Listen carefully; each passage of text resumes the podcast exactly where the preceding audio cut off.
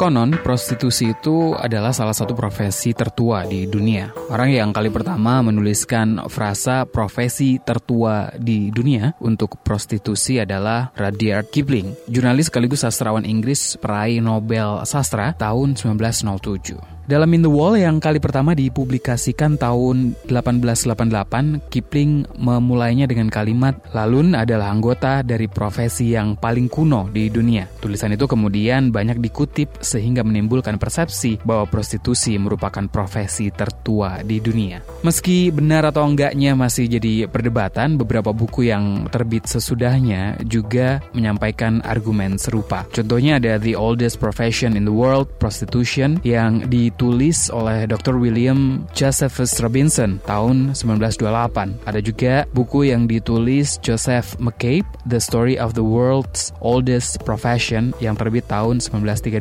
Nah, kali ini saya bakal ngobrol bareng Bram yang sempat bekerja sebagai outreach worker sekaligus pekerja seks pria. Anda mendengarkan Love Bus bersama saya Asrul Dwi.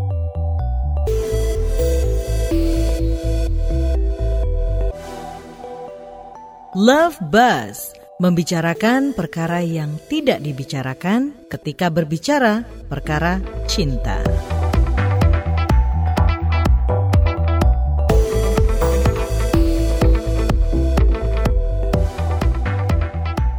Awalnya dulu gimana sampai kemudian terjun jadi semacam konselor gitu ya atau istilahnya apa outreach ya? Iya, jadi pas zaman-zaman masih sekolah itu gue pernah kenalan di Facebook terus di Twitter ketemuan dan untuk sekedar apa hubungan intim kayak gitu dan mm -hmm.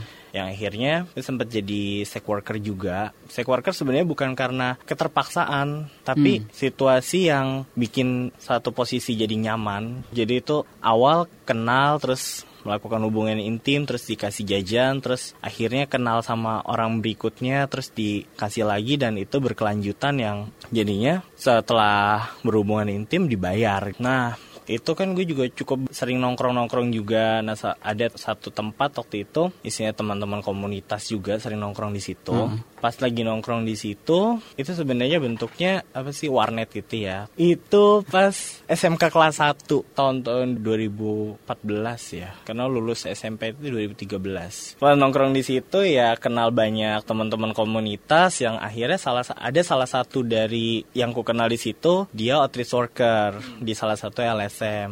Awalnya diajak dek mau nggak ada pelatihan gitu atau seminar gitu. Kayak dapat ongkos dan segala macam gitu kan. Ikutlah. Nah pas ikut itu kebetulan aku masih kerja di kafe. Dengan gajiku dulu masih 900 ya di cafe itu. Terus pas ikut pelatihan itu hanya pertemuannya seminggu sekali. Dan sekali pertemuan itu dapat waktu itu 250 ribu. Dan kupikir itu lumayan karena kegiatannya sebulan empat kali pertemuan. Dan istilahnya nggak cuman dengerin pemateri ngasih informasi terus entah ngerti entah apa bengong aja terus pulang-pulang di diongkosin gitu kan.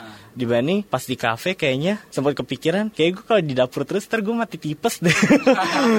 Yang akhirnya resign dari kafe tersebut terus lebih sering ikut kegiatan anak-anak dari LSM yang akhirnya ditawarin kerja kontrak di situ. Nah, itu 2016 pertengahan itu juga masih SMA kan berarti ya baru lulus. Oh, baru Jadi lulus. dari lulus SMK, terus kerja di kafe satu setengah bulan, terus bulan Agustusnya langsung terjun jadi volunteer, terus di kerja di LSM.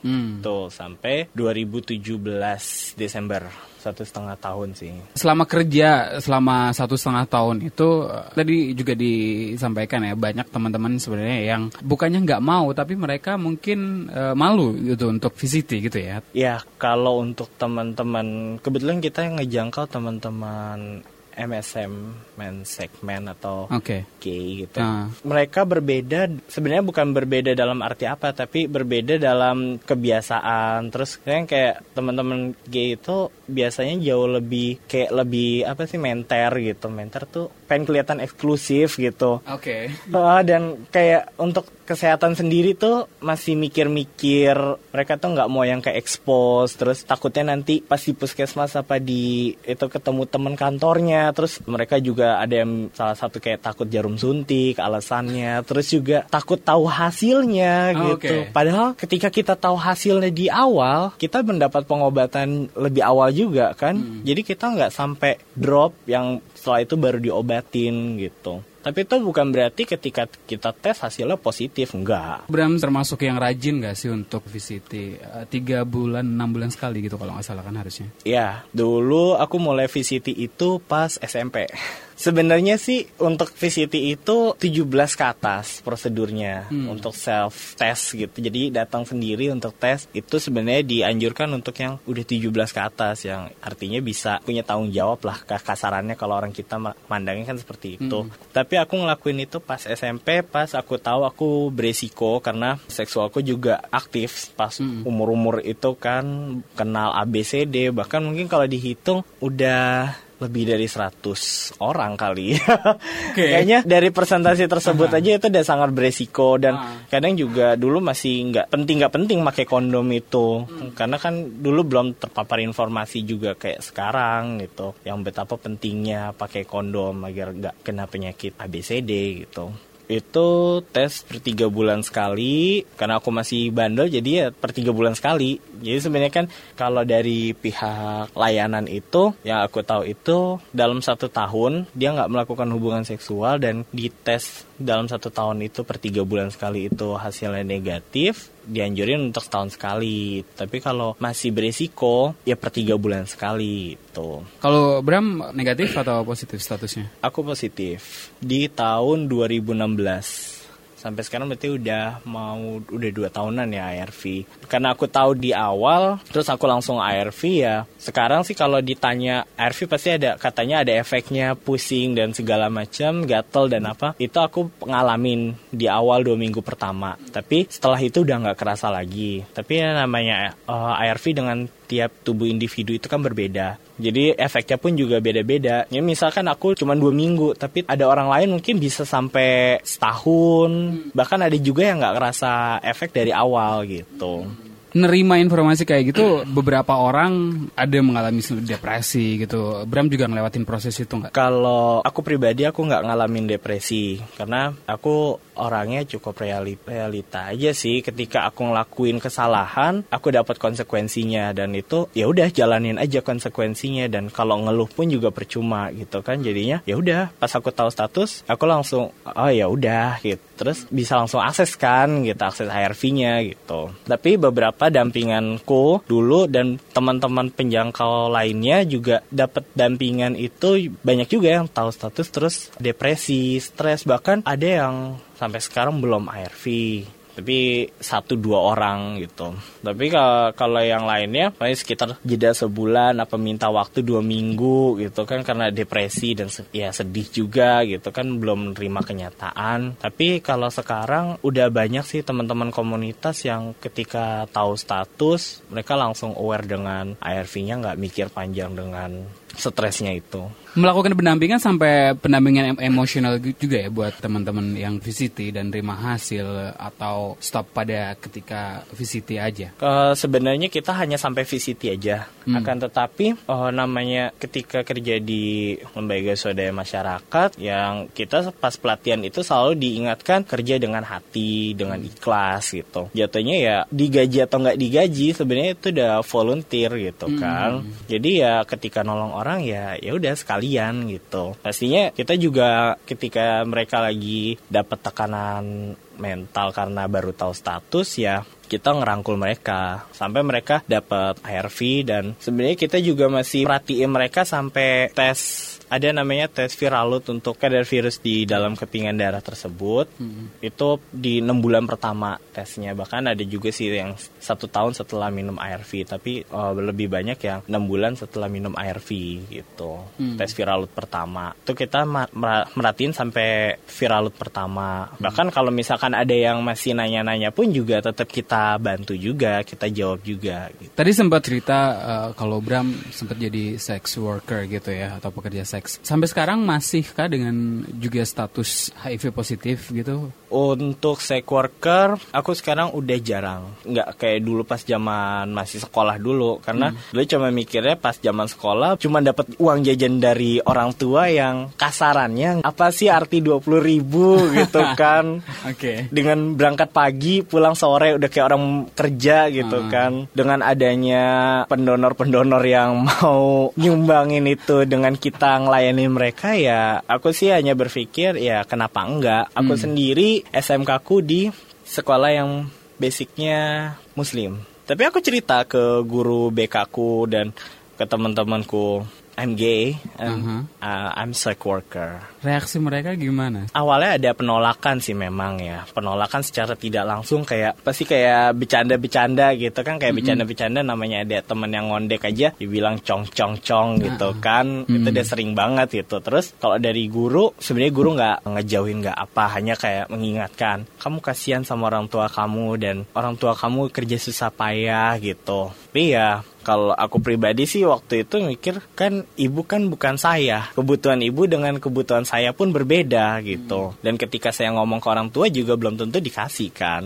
gitu jadi ya saya nyari sendiri gitu dan toh itu nggak merugikan orang lain kok gitu Tapi dengan sekolah yang basicnya agama, guru juga tahu. Apalagi waktu SMK, SMK, ya. iya. SMK eh, umur-umur segitu kan banyak anak-anak yang mengalami bullying dan sebagainya gitu. Sempat ngelewatin itu juga nggak sih? ada ya kayak kalau bullying pasti kayak kayak main kata-kataan gitu walaupun ka- bercanda tapi itu udah termasuk bullying juga gitu terus juga aku sih nggak ngerasa karena aku cuek orangnya tapi pernah aku dapat dari temanku ada yang bilang salah satu di sekolah tersebut ada yang bilang kamu jangan sering main-main sama si Bram gitu. Hmm. dia itu sahabat aku. Dia nggak ngasih tahu berita tersebut ke aku terus ya udah gitu. Ya terserah lu gitu. Sekarang ya gue nggak nyakitin lo nggak apa gitu. Lo mau main sama gue ya terserah. Mau ngejauhin gue ya juga nggak masalah gitu. Oh gue kan sekolah juga hanya untuk belajar di sini gitu. Bukan karena apa-apanya gitu. Bram kan sempat cerita juga mulai aktif secara seksual bahkan SD gitu ya, kelas 6 gitu. Oke,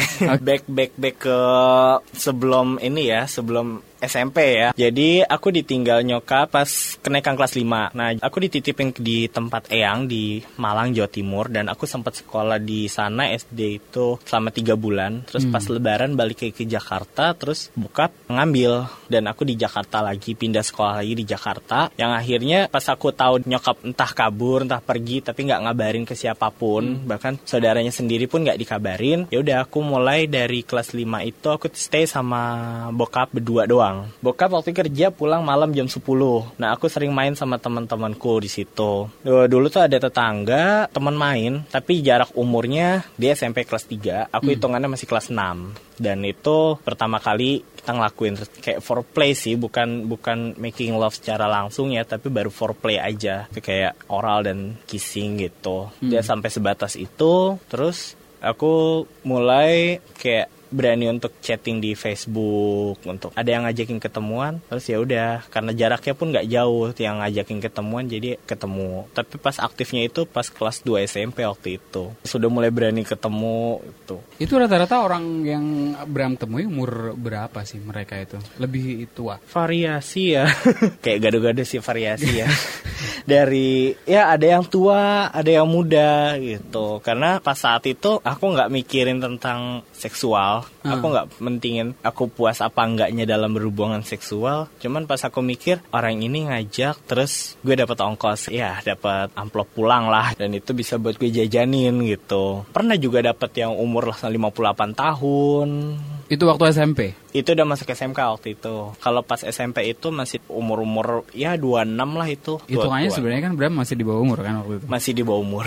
Dan mereka juga nggak ngasih tahu kalau uh, hubungan seks harus yang aman, pakai kondom dan sebagainya gitu. Enggak, enggak sama sekali. Enggak ada yang ngasih tahu harus pakai pengaman atau enggaknya gitu. Jadi ya sesuka hati mereka lah. Berarti secara dalam tanda kutip profesionally SMK itu tadi gitu ya. Mm-mm. Permintaan yang paling aneh gitu ada nggak sih? Permintaan yang paling aneh itu Pakai kostum gitu kan. nggak ada yang aneh sih sebenarnya. Paling kebanyakan permintaannya aku pakai seragam, tapi pakainya di tadi apartemen dia atau di kosan mereka gitu kan. Secara mereka punya fantasi seperti itu. Jadi yang bikin Bram kerja gitu ya sebagai pekerja seks ya, semata-mata sebenarnya karena itu tadi ya dapat uang saku atau sebenarnya ada alasan lain ada yang Bram cari sebenarnya atau enggak? Pertama, intinya uang saku itu. Terus kedua, nyari nyaman karena aku pribadi bukan orang yang suka mikir ribet ya. Karena pas zaman sekolah aja juga aku ngerjain soal itu yang menurut aku aku mau ngerjain dan aku bisa ngerjain. Oh, milih-milih ya, Sejujurnya, gitu. jujur nih ya, sedikit bocoran aja. Aku selama dari SMP SMP ke SMA, khususnya matematika, aku nggak pernah ngerjain. Di semuanya, aku nggak pernah ngerjain. Tapi lulus kan ya? Tapi lulus. Tapi lulus. Aku nggak terlalu suka ngitung karena itu rumit banget. Ah. Dan memang aku merah di matematika ya. Bahkan mungkin beberapa pelajaran lain pun merah, merah juga gitu kan. Akhirnya jadi kayak kebiasaan gak suka mikir yang ribet gitu kan. Jalanin aja gitu. Selama ini memang hanya ngambil pria saja gitu ya atau juga pernah perempuan juga? Dulu pernah ada perempuan. Jadi ya tante-tante situ dua kali doang. Bisa ya? Kalau aku aku sekarang nyaman sebagai gay, tapi aku juga bisa menjadi bi- bisexual juga gitu karena ya aku masih tertarik juga sih dengan bentuk tubuh perempuan gitu. Tapi walaupun sekarang lagi nyamannya sebagai gay. Tapi pernah pacaran sama perempuan sebelumnya? SMP pernah, SMK waktu itu mau nyoba, bukan mau nyoba sih, pernah deket, cuman nggak jadi karena ya aku mikirin diriku aja masih belum cukup gitu, apalagi mikirin orang lain gitu. Antara laki-laki dan perempuan yang memanfaatkan Oh iya. jasa Bram gitu ya. Ada bedanya nggak sih? Mungkin permintaan apa jenis perlakuan gitu-gitu. Pasti tiap orang sih beda-beda sih permintaannya. Kayak ada yang memang dia nggak suka main kasar. Jadi kayak misalkan mainnya lembut gitu terus pelan-pelan. Terus ada yang emang kasar juga gitu yang kayak main pukul atau jambak itu ya udah hal biasa sebenarnya kayak BDSM gitu. Aku juga batasin juga permintaan mereka sama kemampuan aku ketika melayani mereka ya. Ada yang kayak minta di rimming bagian analnya gitu dan aku nggak suka dan aku akan nolak gitu. Juga ada kayak golden shower itu pernah denger gak sih? Dikencingin gitu kan. Iya, ya itu. Itu aku juga nggak mau. Pernah ada juga yang kayak gitu. Terus bahkan yang paling anehnya lagi yang pernah aku tolak itu dia pengen masturbasi, tapi ketika aku lagi pup dan itu annoying banget ketika di chat oke auto block nggak usah diladenin lagi Jadi memang sengaja ngasih batasan di awal kan beberapa kan ada yang nggak mau pakai ciuman dan sebagainya. Negosiasinya di sana gitu ya. Biasanya dapat eh, klien dari mana? lebih banyak sebenarnya dari aplikasi aplikasi dating chat dan sosial media. Banyak yang ngechat tapi random ya. Tapi kalau kayak dating chat ada foto-foto mereka di pokoknya pasti buka aplikasi itu bentuknya foto-foto semua gitu. Akun-akun mereka gitu kan. Kita tahu oh ini orangnya yang ini ini orangnya yang ini. Tapi kalau di Facebook kan kita di chat itu ketika kita update status mungkin foto vulgar atau naked foto gitu. Tapi aku nggak nggak ada tempat mangkal sih sebenarnya. Kayak kan kalau untuk sex worker perempuan itu memang ada lokalisasinya gitu. Tapi kalau gay sebenarnya ada. Cuman nggak semua pada mangkal gitu mereka lebih online sistemnya gitu. Nggak ada mucikari atau germo gitu ya berarti. Nggak ada sistem itu gitu ya. kalau online itu nggak ada karena kalau online itu self sih sebenarnya Gimana memastikan keamanan gitu kan? Untuk keamanan nggak ada. Jadi ya berani terjun sendiri, terima resiko ya udah gitu. Banyak juga kayak yang online gitu terus ada yang ternyata ditipu gitu kan terus nggak dibayar ada gitu. Terus juga tiba-tiba ditinggal pergi gitu aja. Tapi kalau sampai yang ribut berantem itu juga ada sih. Tapi kalau teman-teman gay itu sebagian tertutup ya untuk tentang pekerjaan sex workernya. Tapi kalau teman-teman dari TG transgender itu aku cukup sering dengar mereka dapat kekerasan ya. Karena mereka ada yang mangkal, ada yang online juga gitu. Ada ya ada yang sampai waktu itu ada korban. Jadi si teman TG ini dia lagi open book di satu hotel terus tamunya nggak bayar pas si Tiji ini pengen minta bayaran itu malah dia dapat kekerasan ditusuk. Kalau nggak salah 9 tusukan deh di punggung itu. Tapi untungnya alhamdulillahnya selamat dan hmm. ya udah sehat lagi sekarang. Kalau Bram pernah punya pengalaman buruk nggak sih? Aku nggak sampai ke situ belum sampai. Jangan sampai jangan coy. sampai. itu serem banget. Sampai sejauh ini belum ada yang kayak gitu. Tapi kalau kayak awalnya kayak dia mau bayar 200 terus pas udah main itu dikasih 100 ya karena aku nggak nggak mau ribut juga jadinya. Oh ya udah cukup tahu orang ini gitu. Bram kan hitungannya bekerja. Kadang-kadang ada yang menikmati ada yang enggak kalau hmm. Bram bisa menikmati nggak? Atau memperlakukan itu sebagai pekerjaan saja gitu? Aku nggak berpikir itu sebagai pekerjaan tapi aku hanya berpikir itu satu kegiatan ya yang ngalir aja. Jadi ada syukur nggak ada ya udah. Hmm. dan aku nggak merasa keberatan. Ketika prosesnya gitu hmm. berhubungan seks bisa menikmati ada beberapa nikmati ada yang nggak juga. Kalau sama cewek dulu gimana? Dua kali gitu kan? Dua-duanya yang lebih dewasa gitu ya? Itu di atas umur semua dua dua orang itu. Ketemunya di mana? Dari aplikasi juga atau? Gak, kalau yang perempuan ini sebenarnya orang deket ya bahkan yang bisa dibilang dia kenal dengan keluarga kita. Jadi pas itu itu kejadian begitu aja sih sebenarnya. Karena ini dia senang atau gimana dia ngasih ya dia jajan ini ini itu. Terus uh, ngebeliin ini itu juga. Dan akhirnya entah mungkin dia lagi on banget yang akhirnya aku diajakin sama dia untuk melakukan itu. Tapi terus juga dikasih jajan juga gitu. Aku nggak sebut itu bayaran ya karena aku pribadi nggak pernah minta minta bayaran tapi mereka sendiri yang nawarin gitu tapi kalau misalkan secara keseluruhan tetap aja aku ngelakuin hal tersebut karena aku salah satu yang mengharapkan imbalan dari mereka juga gitu. Hmm. Ya tetap aja disebutnya sex worker juga. Lakukan hubungan dengan imbalan apa pun bentuknya mau barang, mau uang atau mau makanan gitu. Hmm. Berarti selama apa namanya kerja itu masang tarif gitu atau enggak sih sebenarnya ada patokan harga tertentu gitu enggak sih? Aku nggak masang tarif, tapi pernah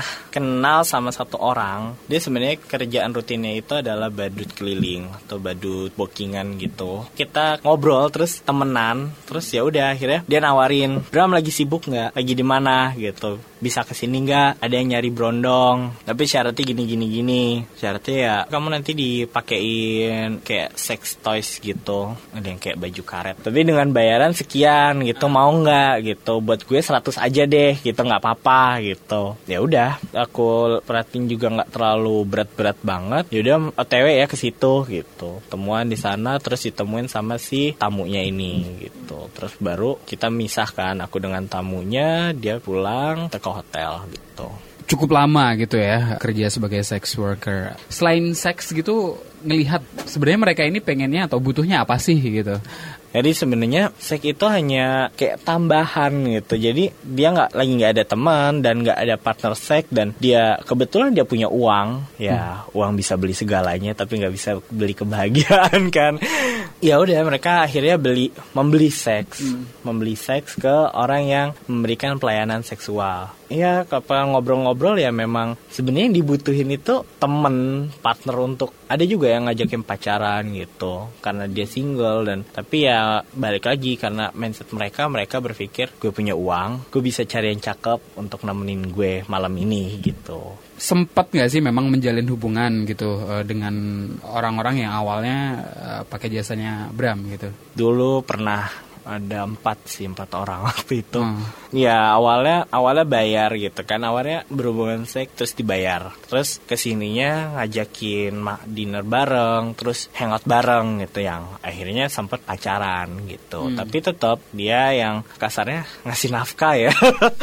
Kayak gitu. Terus ya kayak tempat dari situ juga kebantu juga sih kayak bayar SPP waktu itu. Hmm. biasanya kan aku pas SMK itu masa-masanya ketika orang tua aku juga lagi bokap itu lagi finance lagi turun ya karena hmm. ada satu masalah sih sebenarnya jadinya. Hmm. ya udah akhirnya yang aku dapat dari mereka-mereka itu untuk aku bayar SPP tapi sampai sekarang sih juga SPP juga sebenarnya belum kelar juga. Tapi kayak untuk kayak bayar ujian gitu. Itu berhenti maksud putus karena apa waktu itu? Putus sebenarnya ya karena latar belakang sih. Jadi pas itu ya mereka kan mikirnya lu lu kan pekerja seks gitu. Gue pacaran sama lu lama nggak sih? Mereka pasti mikir kayak gitu. Kalau pasti nakal deh di luar gitu. Kayak ada tuduhan-tuduhan yang sebenarnya kita nggak ngelakuin juga ketika ya tiap orang beda-beda sih. Ada yang masih selingkuh di belakangnya juga ada tapi ada juga yang memang benar-benar berkomit untuk ketika dia sama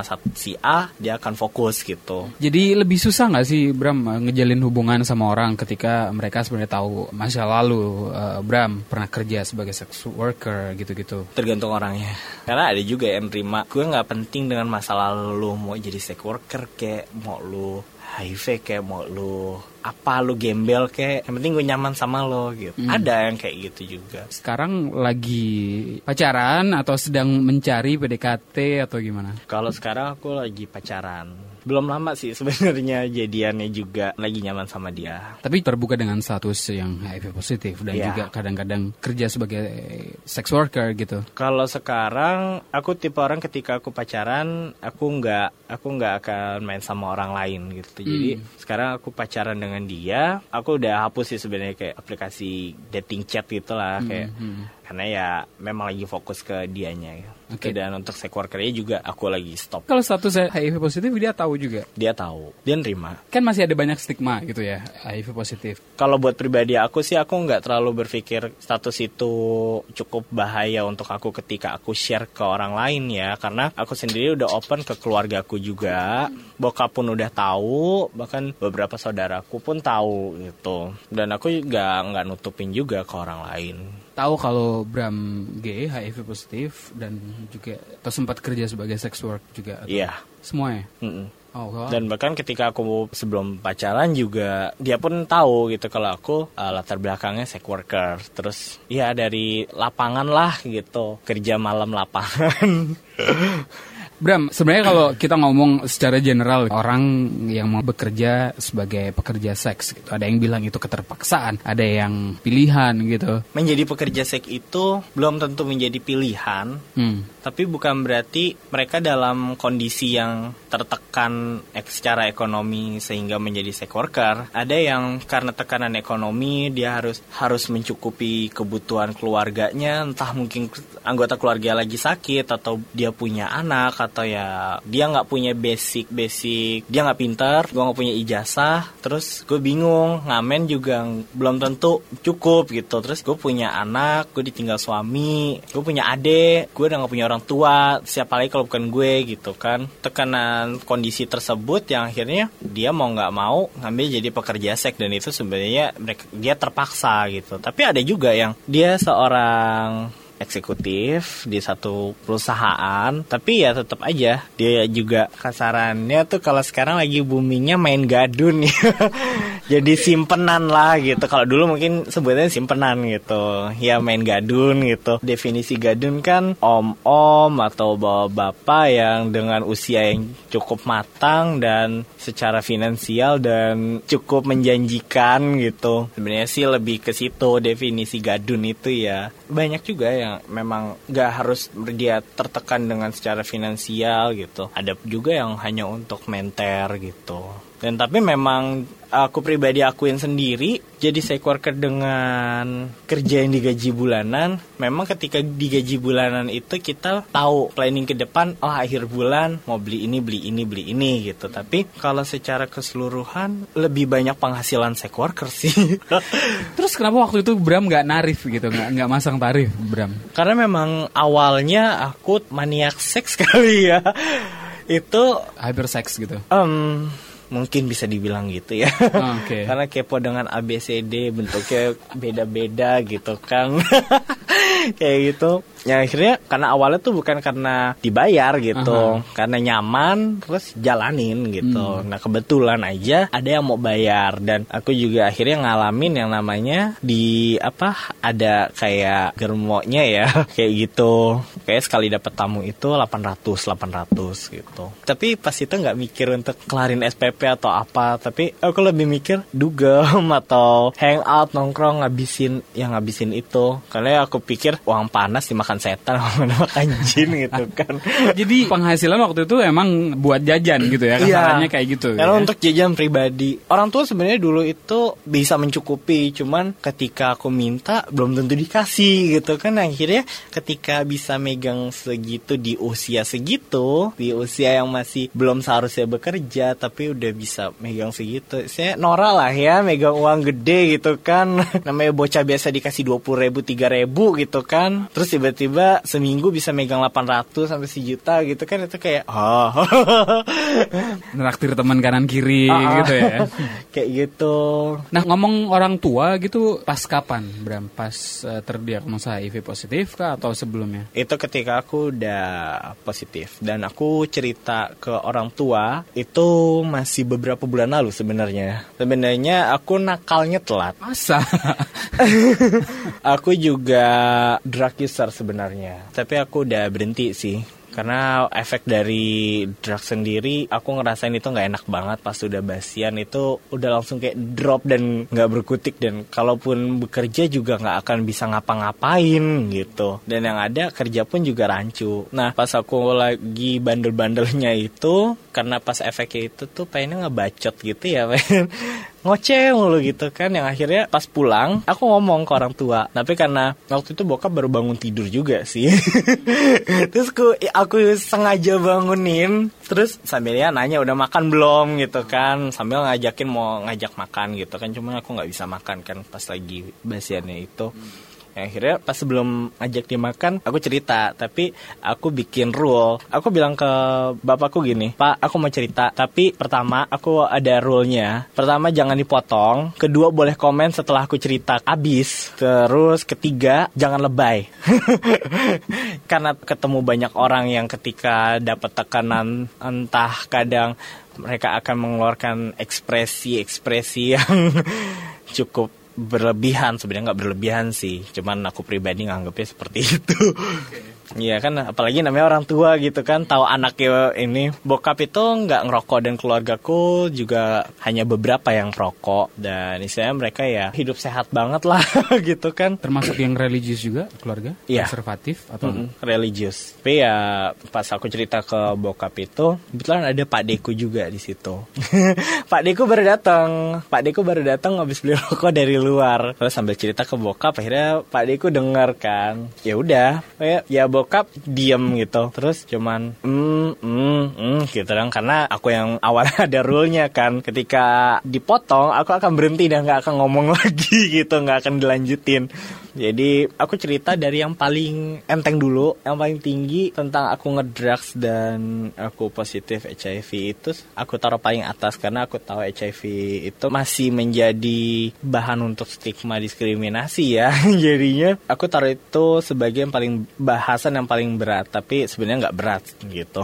Sejujurnya nggak berat tapi itu masih berat untuk sebagian orang. Aku cerita dari awal aku ngerokok, terus aku sering nongkrong di luar terus jadi sex worker terus juga sampai aku kena HIV terus aku ngedrugs gitu pas itu yang aku inget cuman bokap itu kan aku agak kayak napas itu nggebu-gebu kan jadi kayak ngos-ngosan gitu. Bokap tuh ngiranya aku asma atau apa gitu apa cekukan atau apa. Kayak disuruh minum disuruh minum gitu kan minum air putih yang banyak. Terus cuman aku bilang enggak ini bukan bukan asma bukan cekukan bukan apa. Nggak usah dipikirin itu ntar tahu sendiri. Kayak dengerin dulu makanya aku, aku bilang gitu. Akhirnya ya udah. Terus bokap yang nanya udah berapa lama? Gitu. Ya udah kan karena aku udah ceritain ya aku balik ke cerita sebelumnya lagi kan aku bahas lagi itu waktu itu kenapa berani? Karena aku mau buktiin juga HIV itu bukan akhir. Terus waktu itu orang tua reaksinya kayak gimana ketika selesai mendengar semua cerita Bram gitu? diceramahin sih dua jam. Ya kak. Bokap cuma bilang ya kamu bapak masukin di sekolah basic islamik gitu kan. Kalau bisa ya kembalilah gitu. Balik lagi ibadah dan segala macem. Padahal mah dulu waktu di sekolah juga jumatan juga gue entar belok ke gang. Yang lain kebetulan sekolah sama masjid itu ja- lumayan kan jaraknya. Dan guru kan bukan yang matanya dari langit kan yang bisa ngelihat semua muridnya. Jadinya pokoknya rame-rame temen-temen gitu kan. Ada satu yang belok kanan kanan ada satu belok ke kiri. Aku salah satunya di situ.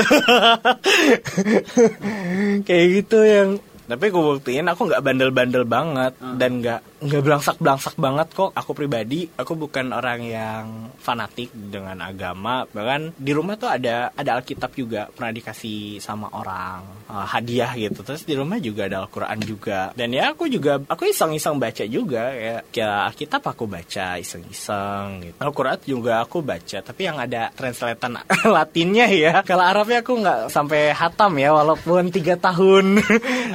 Kalau itu tapi ya begitu eh, ya udah tapi aku sebenarnya lebih seneng ketika aku nunjukin ke orang lain aku nakal. Dibanding aku yang Kenapa kalem-kalem. Karena kecil aku udah bosan jadi kalem-kalem. Keluarga aku Jawa kalau dibilang totok banget enggak. Tapi memang darah Jawa semua. Kayak dari zaman kecil aja almarhum eyang itu udah ngajarin makan nggak boleh ngecap terus makan itu tangan harus gimana? Kayak table manner itu di udah diteken gitu kan. Ya udah ya kebiasaan kan akhirnya sampai ya tapi bagus juga sih jadi aku nggak begajulan banget Tapi bokap orangnya cukup menerima atau bisa memahami gitu gak sih? Ini kan layernya kan banyak. Sebagian orang tua yang kalau udah denger itu udah, udah jantungan kali berarti. Kalau bokap dia juga sebenarnya masih trauma juga ketika ditinggal nyokap kan. Dia sih sering juga kadang ngomong gitu kan, udah kehilangan ibu kamu, bapak nggak mau kehilangan anak bapak juga gitu kan. Dulu sempet pengen kabur gitu, tapi ya udah gitu, tapi ya balik lagi sih akhirnya.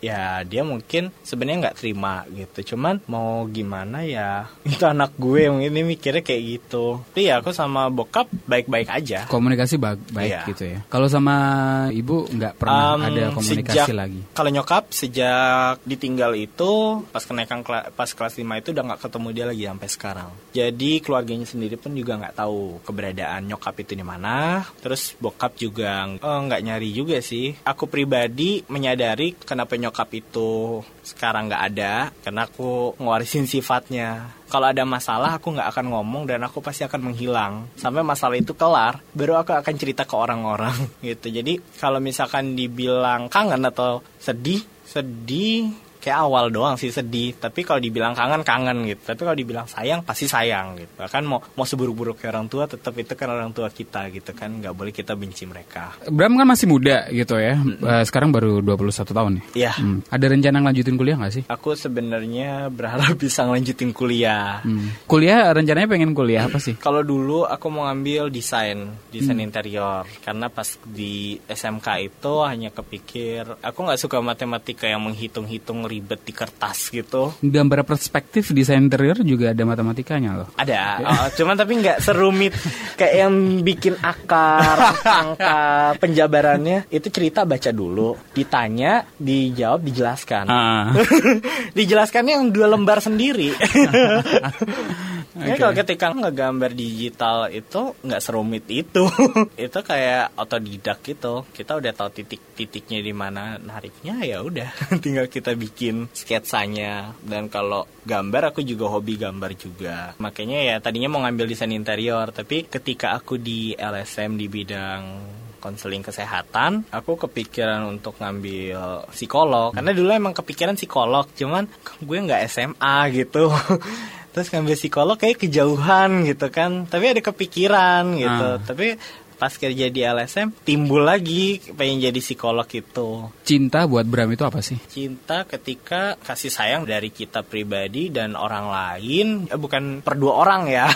Cinta itu aku menggambarkannya secara luas. Jadi di mana tidak ada kekerasan, nggak ada stigma diskriminasi dan semua isinya hidup tentram aja, nggak ada yang nyinyir-nyinyiran gitu. Cinta sebenarnya yang bikin tentram sih itu aja. Antara A B C D nggak ada merasa perbedaan, merasa tersaingi, terus tersulut emosi karena si A begini, si B begini.